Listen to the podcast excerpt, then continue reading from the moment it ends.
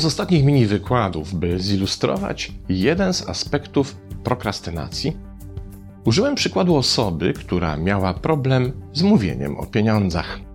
Tego wątku już nie kontynuowałem, bo nie był on przedmiotem opowieści, ale jeden z widzów zadał mi w komentarzu pytanie, czy powinniśmy zawsze konfrontować się z naszymi problemami, czy też po prostu unikać sytuacji, w których nam przeszkadzają.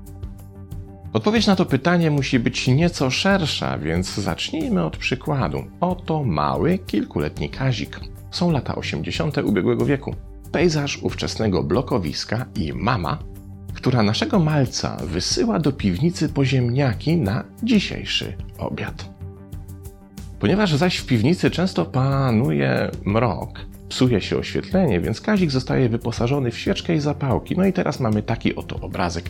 Kazik z wiaderkiem na ziemniaki i zapaloną świeczką niepewnie posuwa się do przodu w ciemnej, ponurej piwnicy, próbując nogami wymacać, czy czasem nie pojawi się na jego drodze jakaś przeszkoda.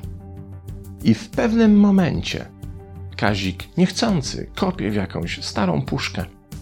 Ten hałas zaś budzi ze snu dużego czarnego kota, który wygrzewał się na biegnących pod sufitem rurach grzewczych, owiniętych gipsową otuliną. Gwałtownie wybudzony ze snu i śmiertelnie przerażony kot skacze z wrzaskiem wprost na plecy małego Kazia. Ten wypuszcza z rąk wiaderko i świeczkę i równie przerażony ucieka z piwnicy. Bo mijam już burę, którą dostaje od mamy w domu, kiedy wraca z pustymi rękami. Inna rzecz tej opowieści jest bowiem dużo bardziej istotna. Oto mały Kazik przeżywa w momencie spotkania z kotem potężną traumę, która będzie mu towarzyszyła już przez całe jego życie. To paniczny strach przed wejściem do jakiejkolwiek, nawet dobrze oświetlonej piwnicy. Jednak już w dorosłym życiu Kazik nie ląduje na fotelu terapeuty na długie lata, ponieważ wypracował sobie zupełnie inną strategię. Otóż dorosły już Kazimierz jakoś tak sprytnie ułożył sobie życie, by nie musieć mierzyć się ze swoim lękiem. Po prostu najpierw wynajmował mieszkania, w których nie korzystał z piwnic, a później wziął kredyt na dom, parterowy i niepodpiwniczony. I już, ot i cała Kazikowa strategia. Jako dorosły facet uznał, że istnieje możliwość takiego ułożenia sobie życia, by wydawałoby się zwalająca z nóg trauma w ogóle mu w życiu nie przeszkadzała. Po prostu Kazik nie korzysta z piwnic i już. Nie śnią mu się one po nocach, nie istnieją w jego życiu i do niczego mu nie są potrzebne. Teraz wyobraźmy sobie innego gościa. Niech to będzie Zdzisiek, który jako kilkulatek przeżył identyczną przygodę. W końcu wygrzewające się na rurach piwniczne koty nie należały do rzadkości przez wiele, wiele lat, jak kraj długi i szeroki. Zdzisiek jako dorosły facet posługuje się również strategią wypracowaną przez Kazika, czyli nie chadza po piwnicach. Wykonuje zawód dźwiękowca w telewizji.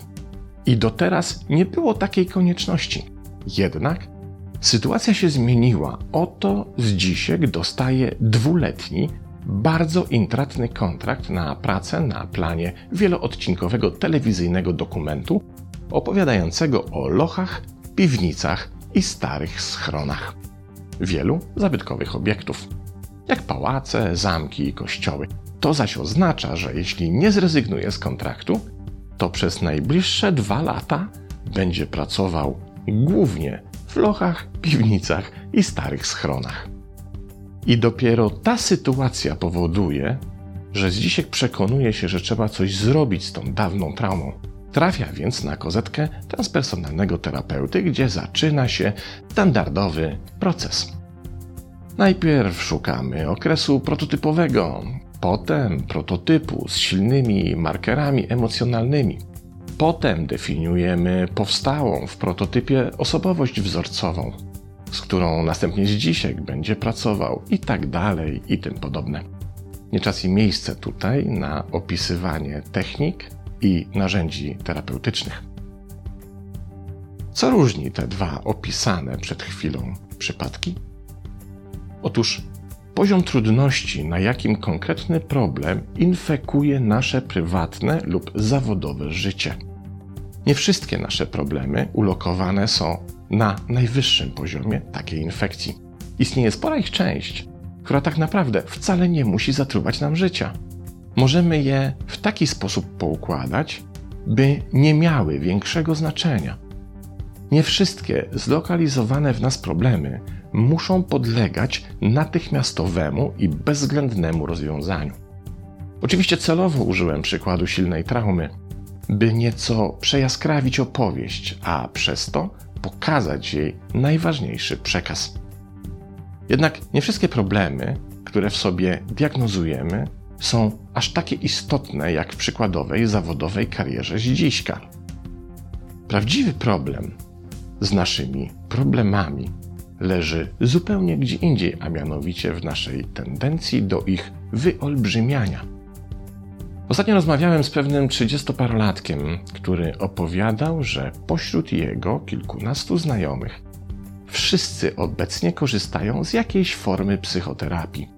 I kiedy się spotykają, to wymieniają się informacjami, polecając sobie nawzajem rodzaje terapii i psychoterapeutów, bo korzystają z tego typu wsparcia już od wielu lat. Kiedy zaś słyszę, z jakim problemem boryka się mój rozmówca, to jednocześnie zaczynam zdawać sobie sprawę z tego, że jest on do rozwiązania w ciągu maksymalnie dwóch spotkań, a nie pięciu lat. A tak naprawdę nie musi być w ogóle rozwiązany, bo da się tak w życiu ustawić, by ów problem nie stanowił, nomen omen, problemu. Nie mam oczywiście zamiaru przekonywać, że w ogóle nie mamy problemów. Oczywiście mamy, i to czasem całkiem spore, które wymagają odpowiedniej korekty i reakcji. Ale z drugiej strony mamy również tendencję do ich wyolbrzymiania.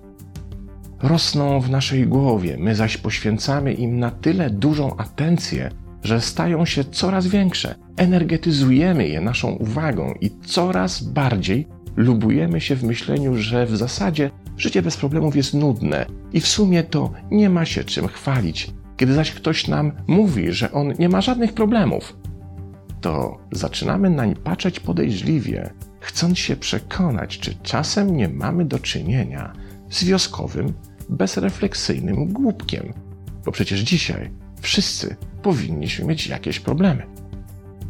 Nie dość więc, że ulegamy tej powszechnej już dzisiaj problemowej modzie, to jeszcze zdajemy się tracić naszą podstawową życiową odporność i zaradność. Problemy stają się tematem towarzyskich rozmów i przy okazji też znakomitymi wymówkami, bo dzięki nim mamy na co zepchnąć odpowiedzialność. Już teraz nie trzeba mówić samego nie mogę, bo można się podeprzeć jakże wygodnym nie mogę bo. I właśnie to małe bo zaczyna nas zwalniać z potrzeby bycia silnym. Jednak to jeszcze nie cały destrukcyjny impact takich schematów myślowych. Kiedy bowiem koncentrujemy się na naszych problemach, zaczynamy tworzyć coraz częściej goszczącą w naszym emocjonalnym i mentalnym systemie słowną. Ja mam problem z lub moim problemem jest.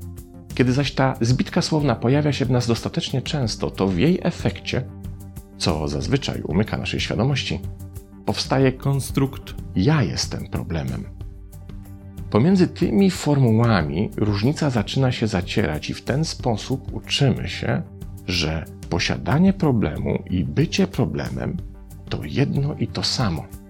Jednak z punktu widzenia reparacji systemu to olbrzymia różnica. Kiedy widzisz siebie z problemem, to wystarczy sięgnąć do odpowiednich narzędzi, by w miarę skutecznie się tego problemu pozbyć lub na tyle osłabić jego ekspozycję czy działanie, by nie przeszkadzał ci w życiu. Kiedy jednak postrzegasz siebie jako problem, to nie da się tego już tak łatwo załatwić, bo nawet kiedy przy pomocy jakiegoś konkretnego specjalisty pokonasz swój problem, to system myślący o sobie jestem problemem, błyskawicznie to puste miejsce po problemie zapełni jakimś kolejnym. I w ten właśnie sposób powstaje nigdy nie kończąca się karuzela walki z samym sobą, której po prostu nie da się wygrać. A zaczyna się często od czegoś małego, wydawałoby się niewinnego, małej życiowej zadry, która w wielu wypadkach nie musi nawet utrudniać nam życia. Ale roztrząsana prowadzi w kaskadowy sposób do destrukcji całego systemu. Bo i owszem, miewamy problemy, mniejsze lub większe, ale nie zawsze mają one na cokolwiek ważnego wpływ. Czasem wystarczy je po prostu olać i nagle okazuje się, że wcale nie były tak ważne i istotne, jak mogłoby się wydawać, jak same by chciały. Pozdrawiam.